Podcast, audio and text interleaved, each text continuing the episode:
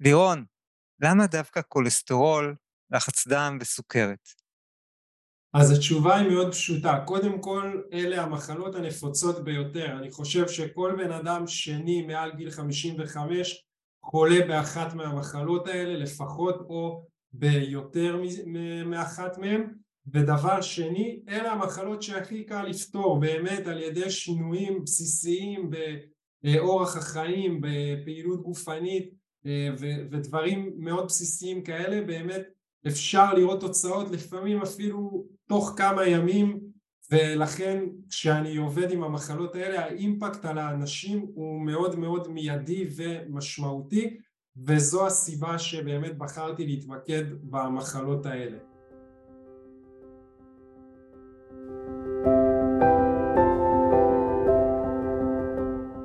היי, אני ניר קראוזה ואתם איתי בפודקאסט כל המיינדפולנס שבו אנחנו מפרקים את הסטרס לחתיכות וממלאים את המרחב בשלווה, שיח מדעי ואורחים מרתקים. הישארו, יהיה מרגיע.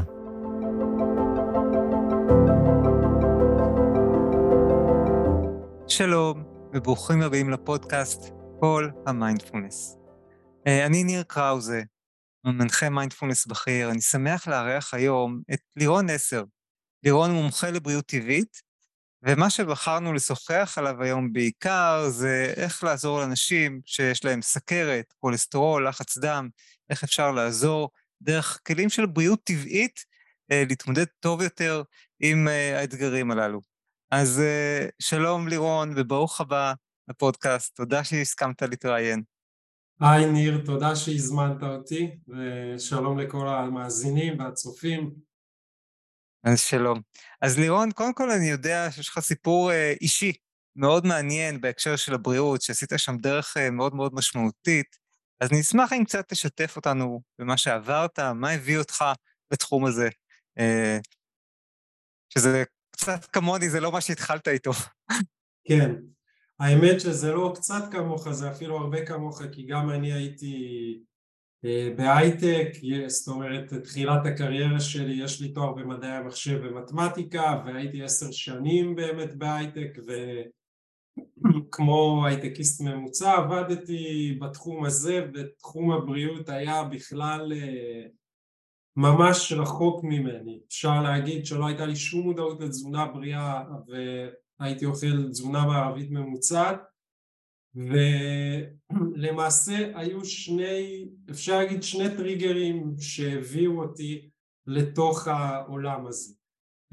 הטריגר הראשון אולי הפחות אה, מעניין אבל אני קצת אספר גם עליו בתקופה הזאת הייתי מתאמן הרבה בחדר כושר משהו כמו ארבע פעמים בשבוע עוד, אה, עוד בכלל לא היו לי ילדים הייתי ככה צעיר ויותר פנוי והרגשתי שאני ככה הגעתי לאיזושהי תקרת זכוכית, לא הצלחתי אה, להעלות משקלים, להתקדם בתוך, ה, בתוך הדבר הזה והרגשתי תקוע. ו, וככה בצר לי חיפשתי פתרונות באינטרנט ומצאתי איזה בחור שהוא גם תזונאי, גם מומחה לחדר כושר, הלכתי אליו כדי אה, ככה שייעץ לי מה לעשות ואני חשבתי שהוא יסביר לי איך עושים את התרגילים וכנראה הטכניקה שלי לא נכונה וכל מיני דברים כאלה. באמת קבעתי אצלו פגישה ובפגישה הוא ישבנו אני חושב משהו כמו שעה וחצי. הוא לא התייחס בכלל לאימונים שלי. הוא פשוט אה, מדד לי קודם היקפים וכל זה ואז התחיל לתת לי תפריט ממש חישב לי קלוריות ככה אפילו זה היה עם מחשבון ואמר לי שאסור לי לאכול קמח לבן וסוכר לבן ואני חייב לאכול מלא ירקות ומלא חלבון וכל מיני דברים כאלה בנה לי ממש תפריט כזה מאוד דרקוני ובסוף, ואז אחרי שעה וחצי אמרתי לו רגע מה עם האימונים? לא אמרת לי כלום הוא אומר לי מה שאתה עושה זה, זה טוב אתה תמשיך ככה טוב, אני הלכתי הביתה קצת סקפטי, אבל uh, בכל זאת uh, ככה שילמתי לו ורציתי לראות תוצאות, אז אמרתי אני אעשה את מה שהוא אמר. ובאמת תוך שבועיים שלושה ראיתי שינוי מדהים, פתאום uh, אני רואה שאני מתקדם יותר בחדר כושר, אני מצליח להעלות משקלים, מסת השריר שלי גדלה, ואז בעצם נפל לי האסימון ש...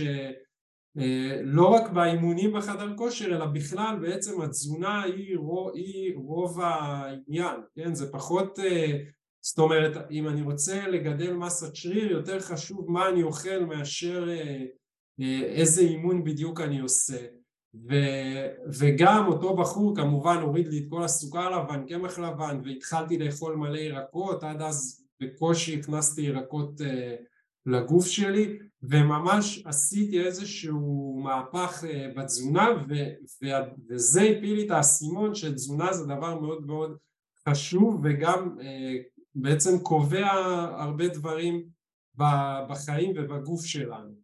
ואז ככה המשכתי את זה, עם הזמן גם שיניתי קצת את התזונה, התחלתי בעצם, ברגע שהבנתי את זה אז כאדם שהוא סקרן מטבעו התחלתי לקרוא יותר ולהתעניין וממש להיכנס לתוך העולם הזה של התזונה, כן באופן עצמאי, בינתיים לא באופן מקצועי והמשכתי עם זה ואחרי כמה חודשים נולדה הבת הבכורה שלי מאיה ואחרי כמה, בערך שהייתה בת שלושה חודשים גילינו שהיא אלרגית לחלב בצורה מסכנת חיים. וואו. וזה משהו שככה גם טלטל אותנו, אותי ואת אשתי, כן, זוג צעיר שפתאום נתקלים בבעיה כזאת כבר בילד הראשון ו... ש... אז זה גם היה אחד הטריגרים קודם כל להוציא את מוצרי החלב מהבית כי אה, היא אלרגית סליחה גם במגע וזה אפילו יכול להיות מצב שאני שותה כוס חלב נותן לה נשיקה ומתחילה לה פריחה על הלחי אז זה היה טריגר גם להוציא את מוצרי החלב מהבית ואחר כך כשהיא קצת גדלה רצינו לשים אותה בגן ילדים והתחלנו לחפש לה גן ורוב הגנים בכלל לא הסכימו לקחת אחריות על המקרה הזה לא רצו לקחת את הסיכון, בסוף מצאנו איזשהו גן שהסכים ככה ש... שאנחנו נרשום אותה לשם, כמובן שזה היה בתנאי שאנחנו נביא את האוכל מהבית, הם לא לקחו סיכון בתחום הזה. ובאמת ביום הראשון ככה אשתי ואני הגענו עם מאיה לגן וככה שני הורים נרגשים שמגיעים ומאיה שיחקה עם כל הילדים שם והכל היה בסדר ואז הם אכלו ארוחת צהריים, היא ישבה בצד עם האוכל שלה שהבאנו לה מהבית, הילדים האחרים אכלו את מה שהיה בגן, זה ככה צבט לנו בלב שהיא יושבת לא ליד כולם אבל הבנו שאין בעצם ברירה. ושימו לאכול, הם המשיכו לשחק עוד קצת ואז הלכנו איתה הביתה, בדרך הביתה התחילה לפתח תגובה אלרגית, ממש התחילה לגרד בעיניים, פתאום העיניים התנפחו ופריחה ו- וכל מיני סימנים כאלה ובדיעבד הבנו שכנראה היא שיחקה כנראה עם ילד שאחרי האוכל לא שטף ידיים וזה המקור לתגובה.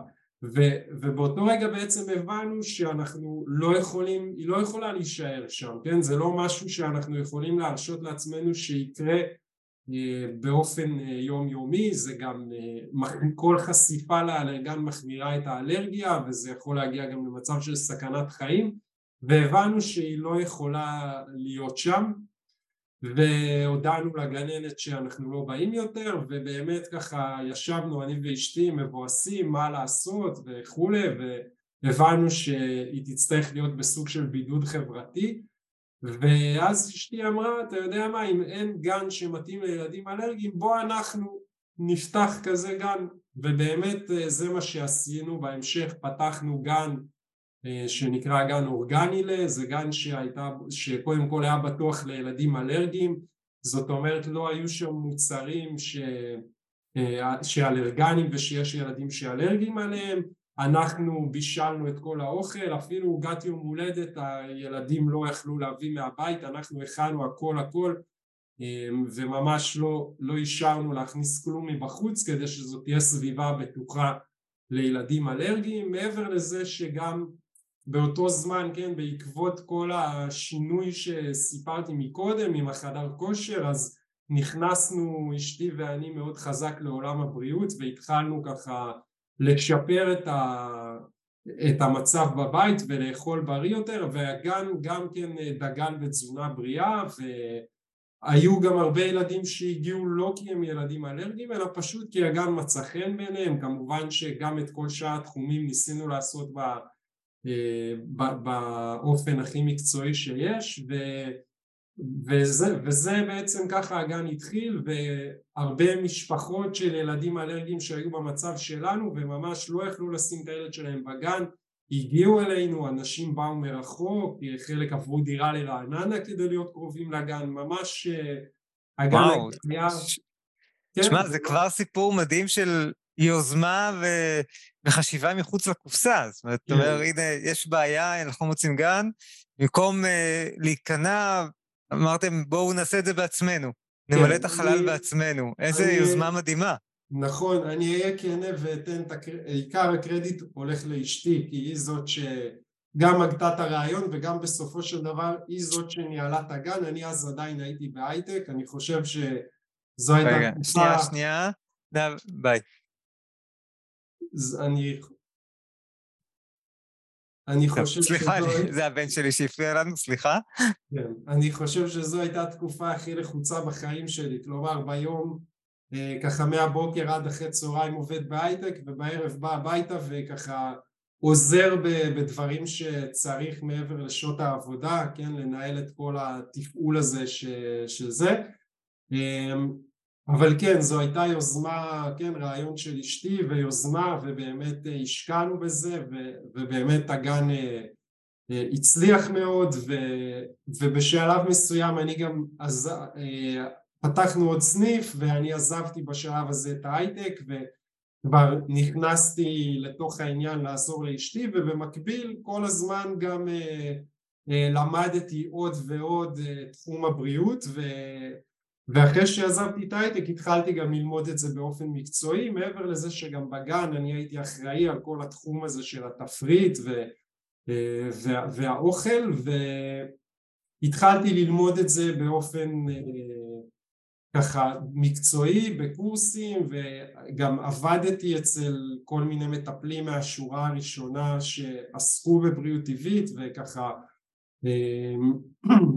צברתי אצלם ניסיון, בהמשך גם למדתי מדעי החיים באוניברסיטה באמת כדי להעמיק יותר בתוך כל המנגנונים הביולוגיים ובאמת להבין את זה כמה שיותר אה, לעומק ו... וככה אה, עם השנים הגעתי מה שנקרא לאן שאני היום, כן, הגן בינתיים כבר אה, נסגר לפני כמה שנים אבל הוא, פעל אה, כמה שנים טובות והבת שלי כמובן הייתה בו וחלק מהילדים האחרים גם ו... אבל זה שייך כבר להיסטוריה ואני בעצם המשכתי לתוך התחום הזה ו- וזה למעשה מה שאני עושה כרגע וזה העיסוק העיקרי שלי וואו, קודם כל אני חייב להגיד, אה, סיפור מדהים. סיפור אה, מדהים של שינוי ו... בתוך החיים ומרגש, ושל אה, איך לפעמים החיים לוקחים אותנו, וזה משהו שמושך אותנו בשליחות, לוקחים אותנו למסלול אחר לגמרי ממה שחשבנו שתכננו. כן, זה נכון, אי אפשר לדעת מה ילד יום. אני סקרן לשאול, בתוך הגן הזה היית גם הרבה עם הילדים, או שאתה היית יותר מלמעלה? כי זה מעניין להיות, המעבר הזה מהייטק ללהיות עם גנן של ילדים, הוא בטח מעבר. חוויה מאוד שונה של עבודה. זה נכון, אני באופן עקרוני פחות הייתי עם הילדים, אבל גן זה עסק שהוא מאוד uh, דינמי ו... וגם קשה לניהול ואין פה מרווח טעות, כן? זאת אומרת, אני סתם אתן לך כמה אנקדוטות. אנחנו היינו אופים את הלחם בעצמנו כחלק מהאוכל הבריא. היה לנו בבית, אתה מכיר בטח את המכשיר הזה הגדול, אופה לחם כזה, יש כן. כמו קופסה כזאת, אתה שם את כל הדברים בפנים, שם טיימר, ואחרי כמה שעות יש לחם. אז היו לנו איזה ארבעה מכשירים כאלה בבית, וכל לילה לפני שהיינו הולכים לישון, היינו שמים את הרכיבים ו...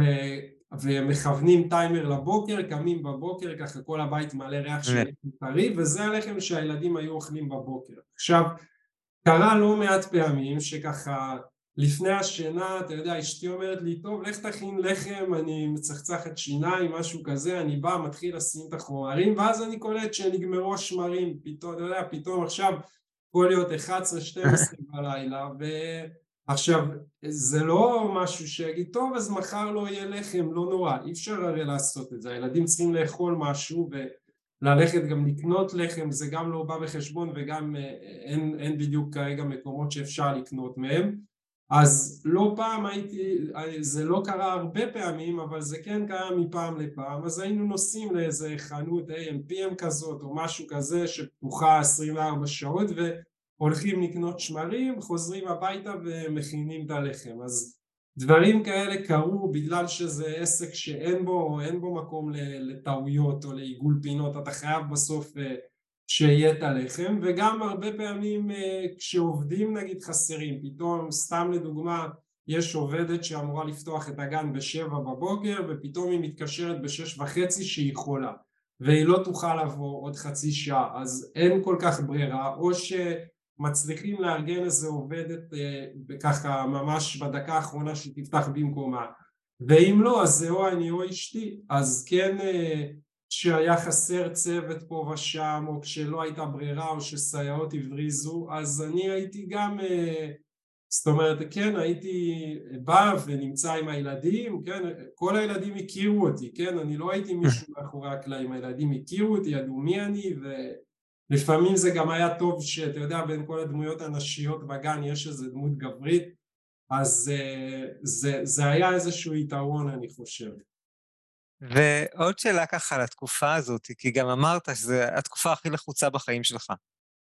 ואתה מתאר עכשיו, וכן, הכל נורא נורא חשוב, ואני שומע שגם חלק מהזמן גם עבדת ככה כשכיר בהייטק, וגם אחר הצהריים היית מאוד מעורב בגן.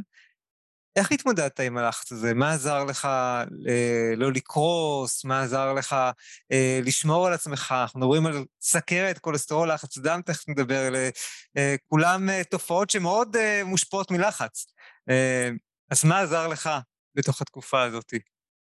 אמ, קודם כל, כן, זה נכון. מה שעזר לי זה בעיקר ההבנה שקודם כל זה היה משהו חדש וזה העסק שלי, כן? זה פעם ראשונה שאני עובר להיות משכיר לעצמאי, כלומר אמנם בפועל העסק, אשתי הייתה עצמאית, אני הייתי עדיין שכיר בהייטק אבל, אבל זה היה עסק שלנו, זה היה משהו שהקמנו ביחד, אשתי ואני ולמטרה גם חשובה, זאת אומרת גם בשביל הבת שלי, אבל גם איזשהו עסק שהוא סוג של עסק חברתי, כן, אמנם הרווחנו מזה כסף, אבל ממש היינו מקור הצלה להרבה משפחות שפשוט לא יכלו לשלוח את הילדים שלהם, וכל וה... העניין הזה, הידע הזה, שבעצם יש אנשים שאתה מציל אותם ושבעצם אתה עושה בשביל הילדים שלך ושהקמת משהו משלך זה הדבר שלמעשה נתן לי את המוטיבציה להמשיך גם, גם כשהיה קשה. וואו, אני שומע את הלמה המאוד חזק, את השליחות, נכון, את ה... נכון. כן, זה, זה כדאי לזכור את זה, כשיש לנו אתגרים, כשיש לנו למה, בשביל מה אנחנו מתמודדים איתם, אז זה מאוד עוזר לצלוח אתגרים ולהוציא הרבה יותר מעצמנו. מרכיב נכון. מאוד מאוד חשוב. מקסים, מקסים. והיה לך עוד שם תרגולים, עוד משהו שנעזרת בו מעבר לשליחות? משהו שעזר לך ככה להפחית את הלחץ, אה, להכיל אותו טוב יותר? האמת שלא, אז אה, הייתי פחות אה, בתוך העולם הזה, רק, אתה יודע, צעדים ראשונים בעולם העצמאות, פחות הייתי מחובר יותר לדברים אם אתה מתכוון כמו מדיטציות, נשימות, פרי פלואו, כל מיני דברים שהיום אני עושה לפעמים כשאני מרגיש צורך אבל אז עדיין לא הייתי בכלל במקום הזה ולא השתמשתי בדברים. לא השתמשת, אוקיי. אוקיי, אז זאת אומרת בעיקר השליחות, תחושת השליחות במה שאני עושה, המשמעות של זה הייתה כן. מה שככה נתן כוח להתמודד עם כל האתגרים. כן, כן. אוקיי. היי, מרתק. אז קודם כל תודה על השיתוף. ובואו נדבר קצת על אה, אחד התחומים שהיום אתה עוזר איתם לאנשים, אה, נכון? סכרת, כולסטרול, לחץ דם. בעצם כן. כשמדברים על התופעות האלה, יש איזושהי סיבה אה, אחת שהיא מייצרת אותם, שמשפיעה בעצם, שמביאה לכולן, או שכל אחת מהן בעיניך מאוד נפרדת?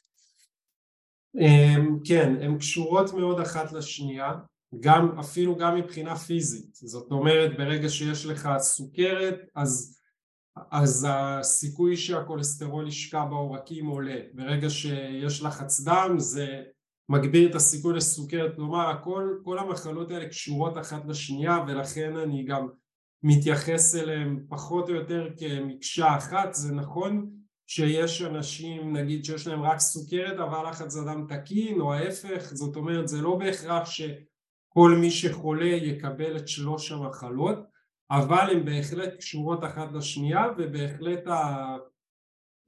גם, זאת אומרת גם הבעיה קשורה וגם הפתרון, הפתרון בדרך כלל הוא, הוא די דומה, כן, יש קצת ניואנסים אולי אבל uh, הפתרון פותר את, את שלוש המחלות uh, בבת אחת. בסך הכל המחלות האלה הן אומנם יכולות להיות מושפעות קצת מלחץ, בעיקר לחץ דם, אבל אה, יש להם, זאת אומרת יש להם יסוד אה, פיזי אה, מאוד, מאוד איתן, כן? זאת אומרת בן אדם שבדרך כלל מהניסיון שלי בן אדם שיחיה בריא מבחינת האוכל ויעשה ספורט וכאלה גם אם הוא בלחץ יחסית בחיים שלו זה לא יגרום למחלות האלה להתפרץ ברמה משמעותית זאת אומרת זה לא מחלה שהטריגר שלה הוא סטרס, זה יכול טיפה להגביר את החומרה אבל בדרך כלל הטריגר הוא טריגר פיזי ממש, כלומר תזונה לא נכונה, מיעוט אה, תנועה ודברים כאלה, זה, זה בדרך כלל אה, הטריגר. ואז מה הפתרון? מה צריך לעשות מי שיש להם, או איך אנחנו יכולים בכלל להימנע, כן? איך אנחנו יכולים להימנע כן, מהתופעות האלה? אז אני, הפתרונות שלי הם אולד uh, סקול, מה שנקרא, תזונה נכונה, פעילות גופנית, um, התזונה שבאופן עקרוני אני ממליץ עליה במחלות האלה וגם בהדרכות שלי אני מסביר uh, את ההיגיון, למה, למה זה בעצם, uh, למה התזונה הזאת מתאימה זה תזונה שמבוססת יותר על אוכל מהצומח ופחות, כמה שפחות על אוכל מהחי. זו, זו התזונה שאיתה אני עובד ומתאימה להוריד את ה... לשפר את המדדים, להוריד את המחלות האלה. וביחד עם עוד כלים, כן, כמו פעילות גופנית שאני מתאים לכל מטופל, תוספים במידת הצורך ושימוש בעוד כלים כמו תהליכי עומק יותר לנגיד ניקוי רעלים וצומות ודברים כאלה אם זה, אם זה מתאים. אז כל המכלול הזה למעשה אני, איתו אני עובד ביחד עם המטופלים כדי לשפר את המדדים, להוריד בהדרגת תרופות, לרדת במשקל ועוד תופעות לוואי שקורות כמו שמרגישים פתאום יותר אנרגטיים הצרבות נעלמות, עצירויות, כן, מעי רגיז, כל מיני דברים כאלה פתאום גם נעלמים בעקבות המעבר הזה לאורח חיים בריא. וכשאתה אומר אה, תזונה צמחית, אז איך, איך נראית תזונה כזאת באופן אה, אופייני? איך נראה היום בתזונה צמחית? Uh, התזונה, תראה, בסוף יש טיפה ניואנסים בין מטופל למטופל כתלות ב... אה, כתלות במצב הבריאותי שלו, כן, כמובן שכל מטופל שמגיע אז אה, הוא ממלא שאלון, אני רואה מה הוא אוכל כיום, הוא מביא לי בדיקות דם, חומר רפואי כדי שאני אבין בדיוק מה המצב, כמה המצב חמור או לא חמור, אבל בגדול התזונה כוללת אה, למעשה פירות, ירקות חיים, ירקות מבושלים, אגוזים, שקדים וכאלה למיניהם והמנה העיקרית שממנה סובעים זה בעצם דגנים וקטניות. אלה המאכלים היותר אה, משביעים, כן, דברים כמו עדשים, חומוס, שועית, אה, קינוע, קוסמת, שיבולת שועל, טופו, דברים אה, מהסוג הזה. ובאמת יש תוצאות מעולות עם, עם תפריט מהסוג הזה וכמו שאמרתי בכל התחומים גם במדדים גם במשקל בהרגשה וכולי וכולי איזה יופי, איזה יופי. אה, האמת שאני מסתכל על תזונה של יזי בעוד כזאתי. אה, מעולה. אז אתה כנראה מחסן את עצמך מפני המחלות האלה כשתגדל. אה, מעולה, משמח לדעת. ועם מה עוד מגיעים אליך אנשים? אה, אולי לפני מה עוד, אז מה בעצם ההיגיון? כן? למה דווקא תזונה צמחית טובה לעניינים האלה? למה אתה מדגיש את התזונה הצמחית? אמ, אוקיי, אז, אז ככה קודם כל אני אגיד שבאמת אני עושה הדרכות על זה ושם אני מסביר אה, בצורה שהיא, אני יורד טיפה יותר לעומק, מה שכאן במסגרת הזמן הזה אנחנו לא יכולים לעשות, אבל בכמה ככה, בכמה נקודות, אז אה, אם ניקח לדוגמה את הכולסטרול, רוב הכולסטרול בגוף שלנו למעשה הוא כולסטרול מייצור עצמי, כלומר הוא מיוצר על ידי הכבד וזה לא כולסטרול שמגיע מבחוץ וכדי להוריד את הכולסטרול למעשה אנחנו צריכים לגרום לכבד לייצר פחות כולסטרול. עכשיו הכבד מייצר פחות כולסטרול כשאנחנו אוכלים שומן בלתי רווי וההפך זאת אומרת הוא מייצר יותר כולסטרול כשאנחנו אוכלים שומן רווי. אז למשל אם אנחנו נאכל תזונה שהיא, אה, שהשומנים בה מגיעים יותר מכיוון השומנים הבלתי רבועים וכמה שפחות מכיוון השומנים הרבועים אז אנחנו נוכל להוריד את הכולסטרול שלנו. ואם אנחנו מסתכלים על המאכלים שנמצאים סביבנו אז האוכל שמכיל שומן בלתי רווי זה בעיקר אוכל מהצומח ולעומת זאת אוכל מהחי מכיל אה, בעיקרו שומן רווי ולכן הוא מעודד את ייצור הכולסטרול אה, מעבר לזה שבאוכל מהצומח יש סיבים ובאוכל מהחי אין סיבים ולכן זה, זה גם כן אה, מעודד אה, גם פעילות מעין תקינה, גם אה, חלק מהכולסטרול נספח החוצה בעזרת הסיבים אז, אז זה, זה נניח מבחינת הכולסטרול. מבחינת הסוכרת המאכלים האלה לא מעלים יותר מדי את הסוכר כלומר דברים כמו דגנים, קטניות הסוכר מתפרק מאוד לאט ולכן אמ, הגוף, זה גורם לגוף אה, לא, לא, לא להפריש יותר מדי אינסולין וככה אה, בעצם בהדרגה הסוכרת הולכת ומשתפרת וגם מבחינת לחץ דם אנחנו יודעים אה, נכון ידוע שאנשים שיש להם לחץ דם אסור להם לאכול מלח כן זה משהו מאוד ידוע כי מלח מעלה לחץ דם למה בעצם מלח מעלה לחץ דם? מלח מכיל המון אה, נתרן. נתרן זה מינרל שהוא אמנם הוא חיוני לגוף שלנו אבל יש לו תכונה שהוא סופח אליו מים כן? זאת אומרת אם אני אוכל הרבה נתרן בתזונה אז ברגע שנכנס לי נתרן לתוך הגוף הפעולה שהגוף עושה כתגובה זה לספוח אליו יותר מים כלומר לשחרר פחות מים בשתן ופשוט להיות מלא יותר במים. ברגע שהמים ברגע שהגוף מלא יותר במים אז זה גם משפיע על נפח הדם. זאת אומרת זה מעלה מאוד את נפח הדם. ברגע שנפח הדם עולה אז גם לחץ הדם עולה זאת אומרת תחשוב על זה כמו צינור אה, ברז בגינה שמחובר לצינור כן? ועכשיו אני פותח את הברז מה יהיה הלחץ בצינור? אז אם אני אפתח את הברז עד הסוף, כן, אז הלחץ, אז הרבה מים יעברו בצינור והלחץ על דפנות הצינור יהיה יותר גדול. זאת אומרת ככל שיש לי יותר דם בגוף, נפח יותר גדול, כמובן אה, גם לצד השני, כן, אנחנו לא צריכים שיהיה פחות מדי, אבל אם, אם נפח הדם יותר גדול זה מעלה את לחץ הדם, זאת אומרת שזה המנגנון שבו הנתרן מעלה את לחץ הדם. ולעומת זאת יש לנו עוד מינרל נוסף בגוף שנקרא אשלגן שאנחנו גם מכירים אותו והתכונה שלו שהוא עוזר לנו דווקא להוריד את לחץ הדם. זאת אומרת שאם נאכל תפריט שהוא עשיר באשלגן ודל בנתרן אנחנו נעזור לעצמנו להוריד את לחץ הדם.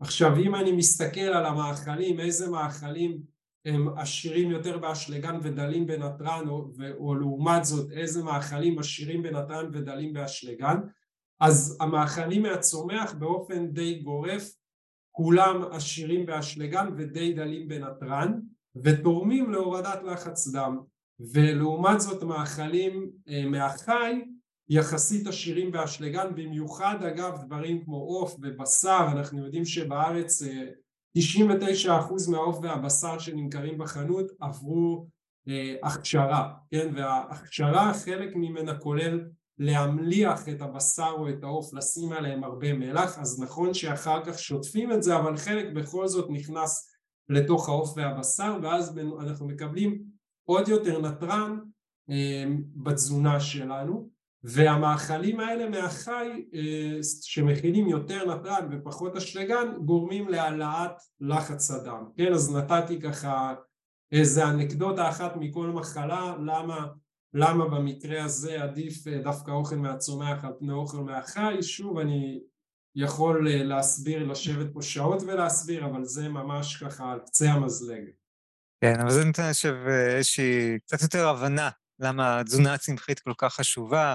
אה, כן. ואולי אני אוסיף גם, לא אמרת את זה, אבל אה, אני מניח שגם מאוד משמעותי זה תזונה לא, של אה, מזון שהוא לא מעובד, כי הרבה מזון מעובד הוא בדיוק מזון שיש בו הרבה נתרן, הרבה מלח, כן. ועוד הרבה דברים שמוסיפים בתהליכי העיבוד למיניהם. זה, זה, זה נכון, כן, לא אמרתי את זה באמת כי, כי זה הבסיס, וחשבתי שזה ברור, אבל נכון, כדאי להדגיש את זה, כמובן ש... גם אה, ביסלי, במבה, קולה, בייגלה, כל הדברים האלה הם, הם אה, טבעונים, כן, הם מהצומח, אבל כמובן שלא מדובר על מאכלים כאלה, אלא הבסיס, בכלל הבסיס לכל תזונה בריאה, לא משנה לאן תלך, לאיזה תזונאי, איזה גישה, אז זה תמיד הבסיס, להוריד אוכל מעובד, אה, זה, זה כלל מספר אחד. כן, אני חושב שזה חשוב להזכיר את זה בהקשר הזה, לא תמיד כן. זוכרים. מחקרים על זה הם מטורפים ממה ששמעתי, ממה כן. שקראתי. נכון, נכון. ועם מה עוד אנשים מגיעים אליך? איפה אתה עוזר לאנשים עם בעיות בריאות? אז גם, גם כמובן אנשים שהם קצת יותר צעירים ויש להם פחות המחלות האלה אבל יש עוד ההתחלה של המחלות הרבה פעמים אה, ירידה במשקל זה, שזה משהו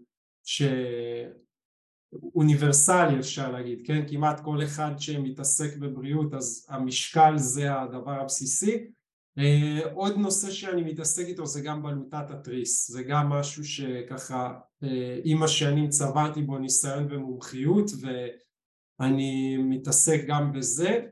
אגב פה לא תמיד בכל המקרים אני נותן תזונה מהצומח, לפעמים פה דווקא אה, יתאים משהו אחר בבעיות של בלוטת התריס, אה, אבל זה עוד תחום ככה שהוא טיפה שונה, הרבה פעמים זה אנשים צעירים יותר, אה, בלי עדיין כן, בלי מחלות מטבוליות פה הטיפול הוא טיפה שונה, אבל כן זה גם משהו שאני מתעסק בו, בלוטת התריס. Mm, מעניין, מעניין. וזה דורש משהו שהוא יותר אישי, שם התאמה הרבה יותר אישית, כדי למצוא את התזונה והתוספים שככה מתאימים בדיוק לאדם, כדי כן, לאזן את הבלוטה? כן, האמת שאני אגיד שה... להגיע שם לתוצאות משביעות רצון זה לפעמים יותר קשה, כן? בסוכרת כולסטרול לחץ דם זה, זה תמיד מצליח, זאת אומרת אם אתה תעבור לתפריט בריא, תתחיל לעשות יותר ספורט, אז, אז תמיד המצב ישתפר, ובמיטת התריס זה לא תמיד, לפעמים צריך אה, לעשות כמה ניסיונות, אה, לרוב אני קובע את התזונה גם בהעדפה של, אני זאת אומרת רואה גם מה יהיה למטופל יותר קל ליישם כי לפעמים אה, אני מציע לו שתי חלופות שהן שונות לגמרי ואז אה, הוא צריך להחליט איזה כיוון יותר מתאים לו אה, פה יש גם אנשים שלוקחים כדורים הרבה שנים אבל בניגוד לכדורים של סוכרת, כולסטרול ולחץ דם שאלה כדורים שבעצם עושים מניפולציה על הגוף, כן? כדור ללחץ דם עושה איזושהי מניפולציה גורם לגוף להוריד את לחץ הדם, אה, אותו דבר סוכר, כולסטרול, כן, נגיד כדור להורדת כולסטרול, פשוט מפריע, מפריע לכבד לייצר כולסטרול, זה התפקיד שלו, הוא פשוט מפריע לכבד, הכבד מייצר פחות וככה הכולסטרול יורד. הכדורים בבלוטת התריס הם לא מהסוג הזה שעושים מניפולציה, אלא זה פשוט הורמון סינתטי, כלומר בלוטת התריס מייצרת הורמוני תריס כשיש תת פעילות היא פשוט לא מייצרת מספיק הורמונים אז אנחנו נותנים השלמה של ההורמון. זה התפקיד של הכדור ופה זאת אומרת מצד אחד, זאת אומרת הכדור הזה הוא מצד אחד הוא לא, לא מפריע לגוף, כן, הוא לא מחבל במנגנוני הגוף שלנו. מצד שני זה יכול לפעמים קצת לנוון את הבלוטה כי מישהו עושה לה את העבודה אז לא תמיד אפשר להוריד פה את הכדורים אבל בבלוטת התריס יש תופעה אחרת. חלק לא מבוטל מהנשים, כן, זה, זה, זו מחלה ששכיחה בערך כמעט 90% ממי שחולה במחלה הזאת זה נשים.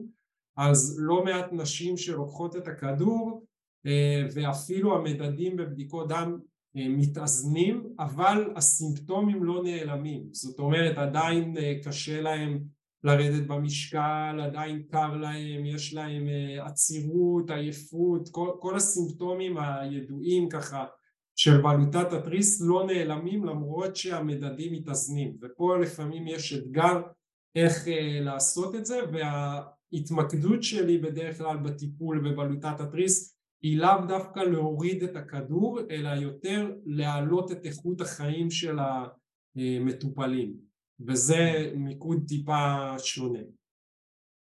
אוקיי.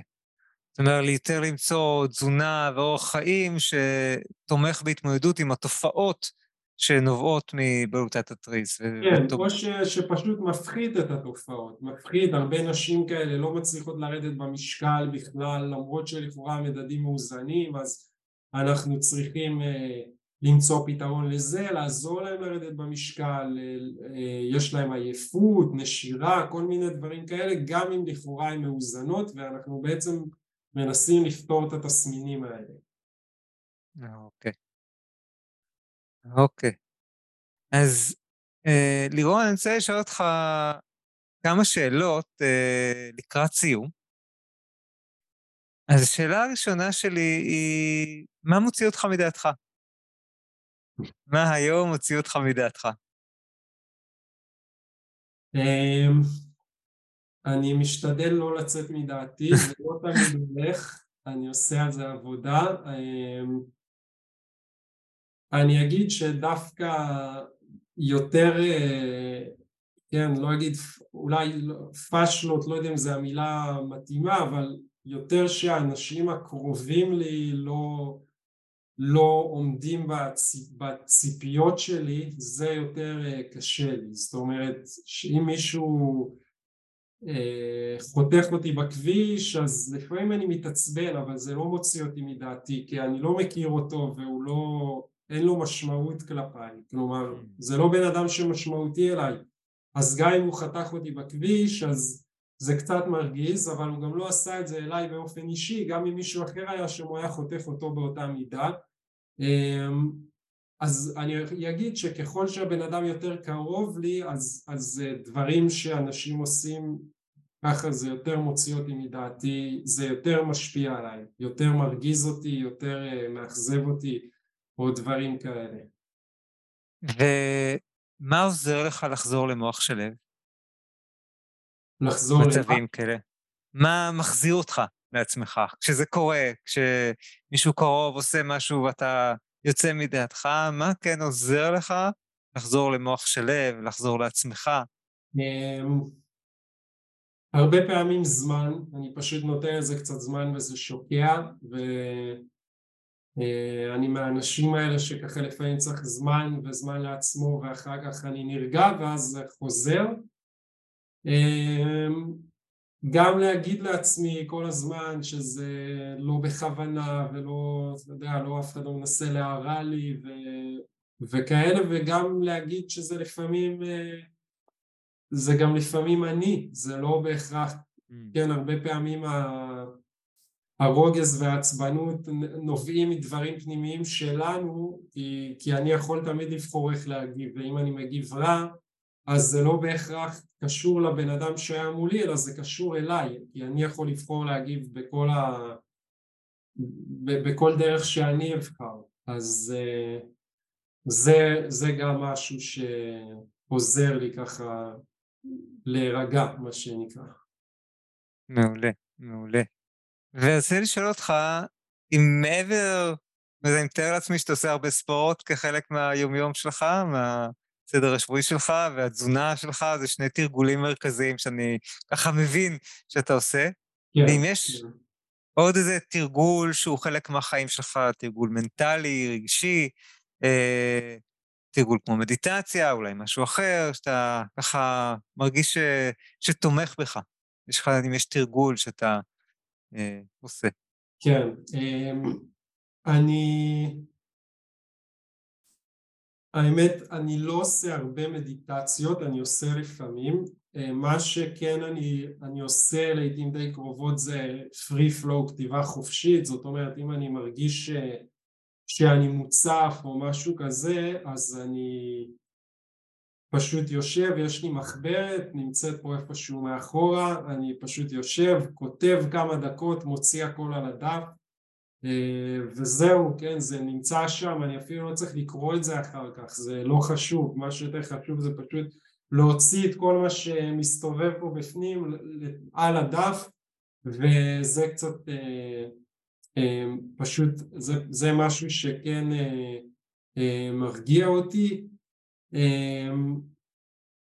אני גם, אני גם בן אדם ש, שמאוד אוהב ללמוד וזה אחד הדברים שאני יכול עכשיו, זאת אומרת יש לי טיפה איזה ככה רעש או משהו אז אני יכול, יש לי תמיד עשרות ספרים בערימה שמחכים, קורסים, שיעורים שעוד לא שמעתי, כן, וזה רק הולך וגדל כי הקצב שאני קונה אותם הוא יותר מהיר מהקצב שאני צורך אותם אבל תמיד יש לי משהו, כן? אז אני יכול עכשיו לשבת ולא יודע, לראות איזה קורס שקניתי במשך איזה חצי שעה, או אפילו אה, לשמוע פודקאסט, אה, שזה לא יוצא לי הרבה האמת, כי אין לי זמן, אה, אין לי כאילו זמן, נגיד, אני עובד בבית, כן? אתה, אני עכשיו, אתה רואה אותי, אני יושב אה, בקליניקה שלי שזה פשוט חדר בתוך הבית ופה אני, מפה אני עובד וגם מקבל פה מטופלים אז אין לי את הזמן הזה של לנסוע לעבודה, לחזור לעבודה, לא יוצא לי כל כך לשמוע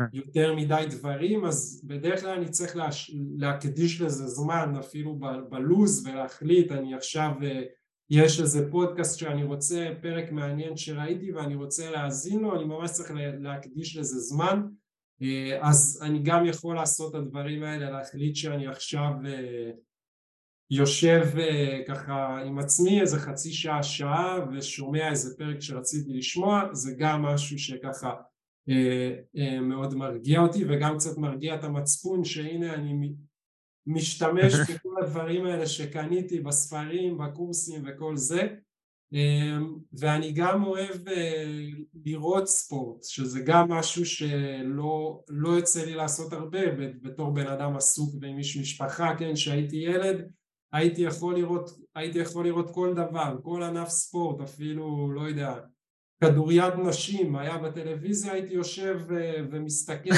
זה כמובן כבר אה, זה בלתי אפשרי. אבל פה ושם שיש ככה משחקים אה, יחסית מכריעים וזה אז אני כן יושב ורואה ולפעמים גם אה, הילדים שלי מצטרפים אז זה עוד איזה תחביב ככה ש...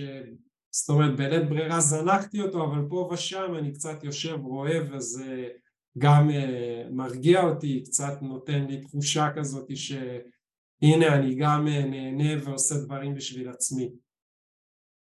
מקסים, מקסים, מקסים. ואני אגיד במיוחד הזכרת את הכתיבה החופשית, כתיבה חופשית היא כלי מאוד מאוד חזק, בפירוש uh, מומלץ, פשוט uh, כתיבה אינטואיטיבית, חופשית, לקחת את העט ולהתחיל לשפוך את כל מה שיושב לי בראש, uh, מייצר חוויה מאוד uh, עוצמתית של ניקוי.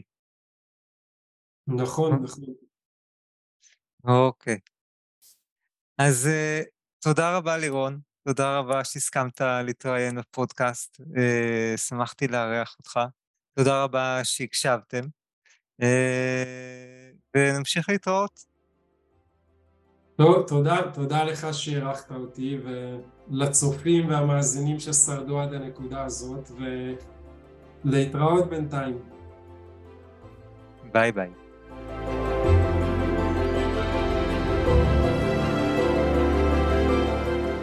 זהו, עד כאן לפרק של היום. אם אהבתם את הפרק, אל תשכחו לדרג את הפודקאסט באפליקציה או בפלטפורמה שדרכה אתם מקשיבים לנו. עכשיו ייצרו רגע. חישבו על חבר או חברה שלכם, שגם הוא זקוק לקצת רוגע ושלווה, להפחית את הסטרס. שילחו להם את הקישור לפרק הזה. הם יודו לכם. עד לפעם הבאה, באהבה, ניר.